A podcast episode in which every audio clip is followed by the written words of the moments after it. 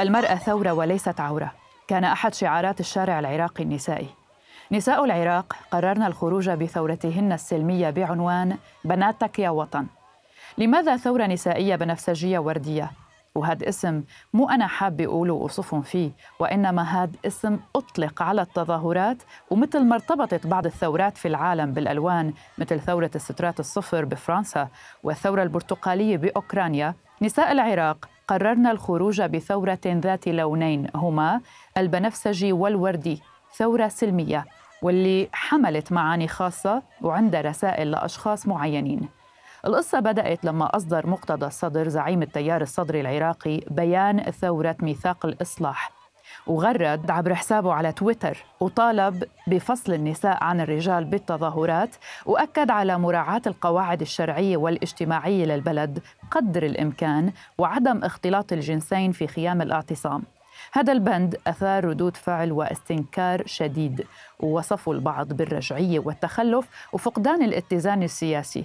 وإنه ما بيمثل المنتفضين بالعراق على الإطلاق. رح نسمع صوت زهراء حسين إحدى الشابات المشاركات بالتظاهر ردا على مقتضى الصدر. أسباب مظاهرتنا اليوم على كل من قال المرأة صوتها عورة. ماكو فرق. إحنا كل واحد يؤدي واجبه بالساحة. صوت المرأة ساهم بالثورة بالمسعفة آه، كل شيء كل شيء كان لها دور المرأة بالساحة. فما يقتصر اليوم على الهتافات. وين ما كان إحنا موجودين.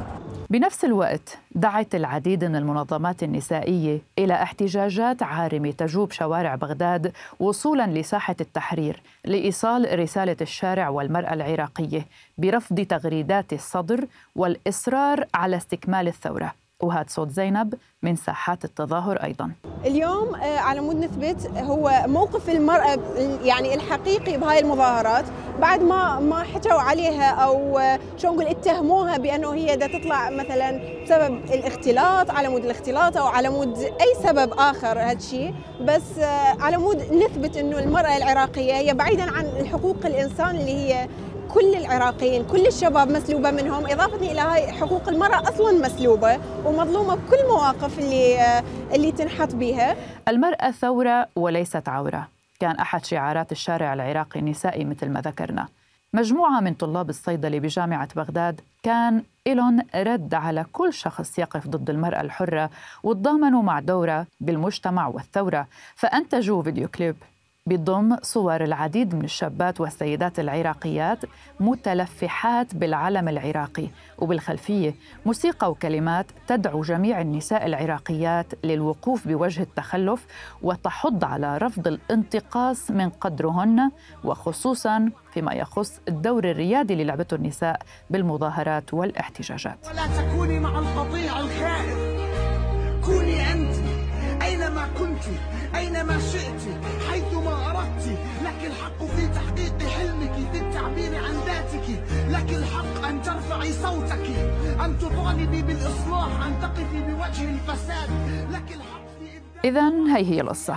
تظاهرت الآلاف من النساء العراقيات في العاصمة بغداد ومحافظات الوسط والجنوب دعما للاحتجاجات التي تشهدها البلاد منذ الأول من أكتوبر تشرين الأول 2019 وخرجت النساء في بغداد وفي محافظات ذي قار والبصرة والناصرية وبابل ونددن بعمليات الاختطاف والقتل التي تعرض لها المحتجون خلال الأشهر الماضية. وللتعبير عن دعم الاحتجاجات اللي عم تشهدها العاصمة العراقية وتسع محافظات للشهر الرابع والخامس على التوالي. خرج الصدر بكلماته اللي أججت هالاحتجاجات أكثر وحملتها معنى أكبر لتوقف بوش من ينتقص من قدر المرأة العراقية بهالاحتجاجات رح نسمع صوت لبنى. طبعا إحنا طلعنا مظاهره لأجل إنه إن طالبه بحقوق الشعب العراقي آه، اللي هي آه، ماخذيها كل الدول المجاورة طبعا آه، وما ما أي حقوق للشباب اللي إحنا هسه عندنا حاليا. وإحنا بدنا نوصل رسالة إنه آه، لازم يحققون مطالب آه، هذا الشعب إنه جميع يعني كل هاي من الدراسات وتعيينات نطالب بتغيير اللي أهم شيء وصوت فاطمة. أول شيء إحنا من طلعنا طلعنا عن تحقيق مطالب تحقيق كرامة العراق. ما طلعنا لا جوكرية لا طالبين شيء طلعنا على مود نرجع هيبه العراق على مود نرجع هيبه هاي الشباب. مو معقوله دراسات وماجستير ودراسات عليا وشهادات تنذب أو بالزبل أو هيك ملفات ياخذوها ويذبوها بالزبل. يعني الشباب كوم قيامة الله تجي تقدم على وظيفة تجي تقدم على حقها يقمعوه أو يستشهد أو ليش؟ يعني هو هذا حق. على شنو دا يسوون هيك؟ يعني إحنا لا طالبنا ب... لا طالبنا بقمع لا طالبنا بتخريب لا طالبنا بحقوق مو حقوقنا حقوق هاي حقوق أصلا كل الدول عايشة وكل وبما أننا جئنا على ذكر الثورة البنفسجية الوردية والتي جاءت ردا على مقتدى الصدر اللي بدوره مثلوا ببداية الاحتجاجات أتباعه اللي عرفوا بأصحاب القبعات الزرق. لكن قوبلوا برفض الثوار والمحتجين من بداية الاحتجاجات كممثلين عن فئة معينة ولا يشبهون بقية أطياف الشعب الذين نزلوا إلى الشوارع بعيدا عن ولاءاتهم الطائفيه والحزبية وبعدها ظهروا أصحاب القبعات الزرق بأماكن عدة وبمناسبات عدة وهن عم يقمعوا المتظاهرين لأنهم رفضوا أن يشمل المتظاهرون الطلب من ممثليهم بالتنحي وترك المقاعد الحكومية ليختار الشعب ممثلينهم، فزاد الغضب والرفض الشعبي لوجودهم كممثلين عن هالتظاهرات. وكمناورة لامتصاص غضب الشارع مثل ما وصفها رئيس التيار الوطني العراقي مصطفى الصافي قرر زعيم التيار الصدري مقتدى الصدر تجميد القبعات الزرق. طبعا تجميد القبعات الزرق لم يكن القرار الأول اللي اتخذه الصدر بل سبقه حل جيش المهدي وتحويله لسرايا السلام. ومن ثم فرقة اليوم الموعود وأخيرا القبعات الزرق. لكن سرايا السلام وحسب مراسلنا سيطرت على ساحة التحرير بأسلحة نارية كاتمة للصوت وسكاكين وهددت أي شخص بيرفع شعار ضد مقتدى الصدر أو ضد رئيس الوزراء المكلف محمد توفيق علاوي. وأضاف مراسلنا أن التقارير اللي صدرت ب 15 شباط فبراير أفادت بمقتل متظاهر برصاصة في الرأس من سلاح كاتم للصوت. الصافي أكد خلال مقابلة مع أخبار الآن أنه قرار الصدر الأخير ما هو إلا تكرار لما حدث وامتداد له وشدد على أنه هالتصرف هو تصرف الصدر المعتاد بتغيير التسميات فقط وأنه هذا الأسلوب هو أسلوبه للبقاء بالمشهد العراقي. أي مجال يشوفه السيد الصدر يدخل به حتى يبقى يتشهى يعني يتسيد المشهد ويكون دائما في الصورة في المقدمة.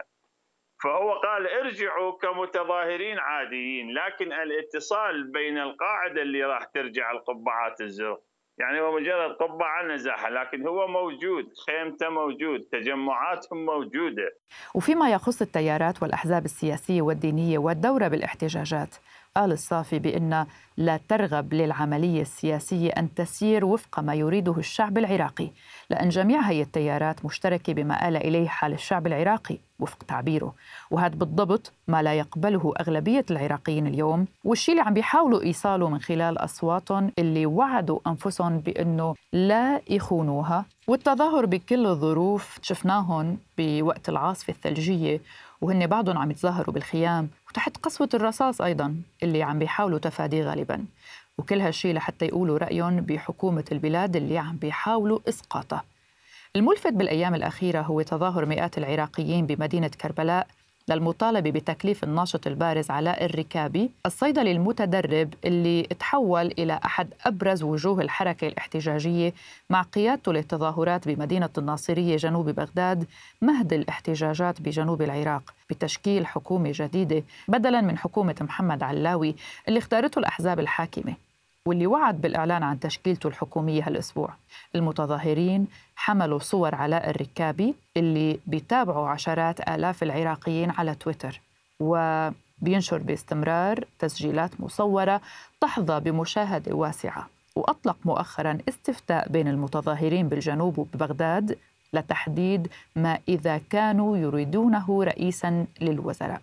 وقبل الركابي قدم النائب الليبرالي فائق الشيخ علي المعروف بانتقاده للفساد المستشري بمفاصل الدولة. قدم ترشيحه رسميا لرئيس الجمهورية لكنه لم يتلقى أي جواب.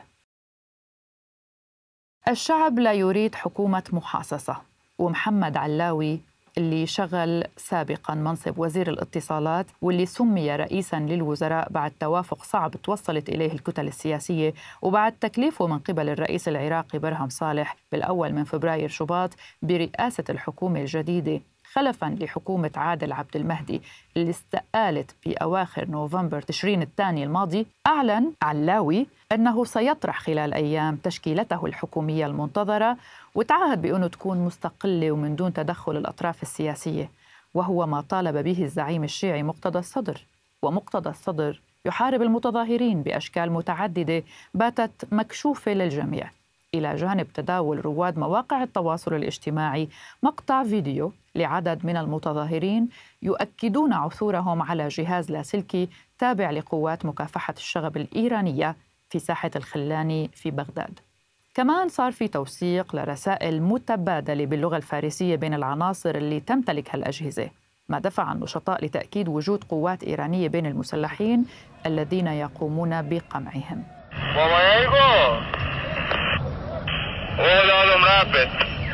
وأشار بعض رواد مواقع التواصل الاجتماعي إلى أن قوات مكافحة الشغب الإيراني والحرس الثوري كانت برفقة قوات الأمن العراقية عند اقتحام الميدان وأن العثور على هذه الأجهزة فضح هذه العناصر وهو ما يؤكد صحة كلام المتظاهرين الجهاز مالتهم وهنا يطلع الصوت لكن هل هذا تدخل جديد؟ كنت عم راجع شوي بالأرشيف ولقيت مادة بتاريخ 7 أكتوبر تشرين الأول يومها وقع أكثر من عشرة قتلى قضوا قتلا بالرصاص. مو بس من قبل قوات الأمن العراقي وإنما شارك بهالشي قوات الحشد الشعبي ذراع إيران. ويومها شارك ناشطين الكثير من الفيديوهات أظهرت تورط الحشد بقمع المظاهرات. طبعا الحشد كان أعلن بهذاك الوقت أنه فصائله جاهزة للتدخل لمنع أي تمرد بالعراق من خلال فالح فياض رئيس هيئة الحشد الشعبي العراقي. سيكون ردنا مدويا وواضحا ومحددا لكن من خلال الدولة وأدواتها ومن خلال الدستور وفي ظل توافق جميع أبناء الشعب العراقي. والثانية سنتابعكم ونختص منكم. ولن نسمح لأحد أن يعبث بدماء أبنائنا. لن لا يكون هناك مجال لإنقلاب. أو لتمرد أو لغلبة بقوة. بهداك الوقت المرشد الأعلى الإيراني علي خامنئي غرد على تويتر وقال إيران والعراق شعبان ترتبط أجسادهما وقلوبهما وأرواحهما بوسيلة الإيمان بالله وبالمحبة لأهل البيت وللحسين بن علي وسوف يزداد هذا الارتباط وثاقة يوما بعد يوم يسعى الأعداء للتفرقة لكنهم عجزوا ولن يكون لمؤامرتهم أثر وإجا رد العراقيين بعودة المتظاهرين إلى الساحات وإحراق وإتلاف صور الخامنئي المعلقة ببعض الساحات العراقية. ومو بس هيك، كل يوم في إفادة جديدة من ناشطين عراقيين. آخرها كان اقتحام قوة بزي مدني لساحة الخلاني وسط العاصمة بغداد وإحراق لخيام المعتصمين مع إطلاق نار من قبل مجهولين على المعتصمين بالساحة.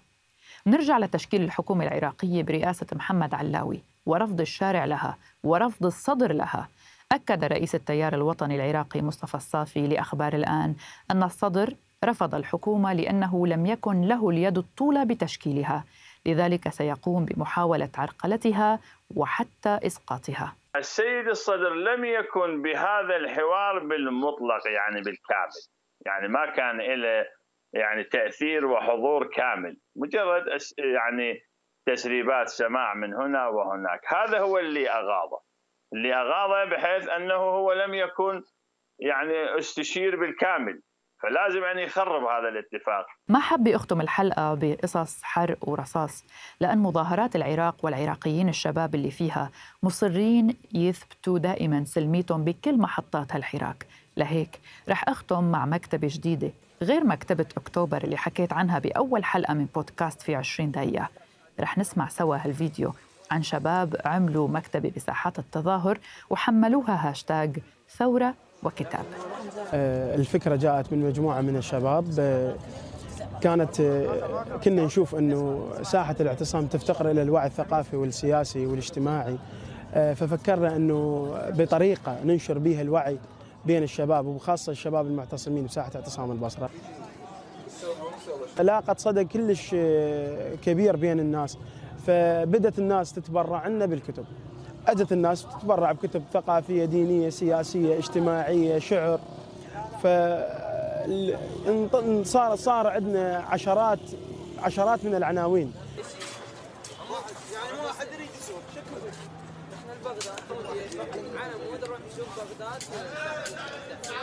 الكتاب مثل ما قلت لك هو غذاء الروح ودفع معنوي. إنه كثير من هسه بالاعتصامات لديهم كثير من الوقت زين؟ بأن يشغلون هذا الحيز الفراغ الموجود عندهم بالمطالعة.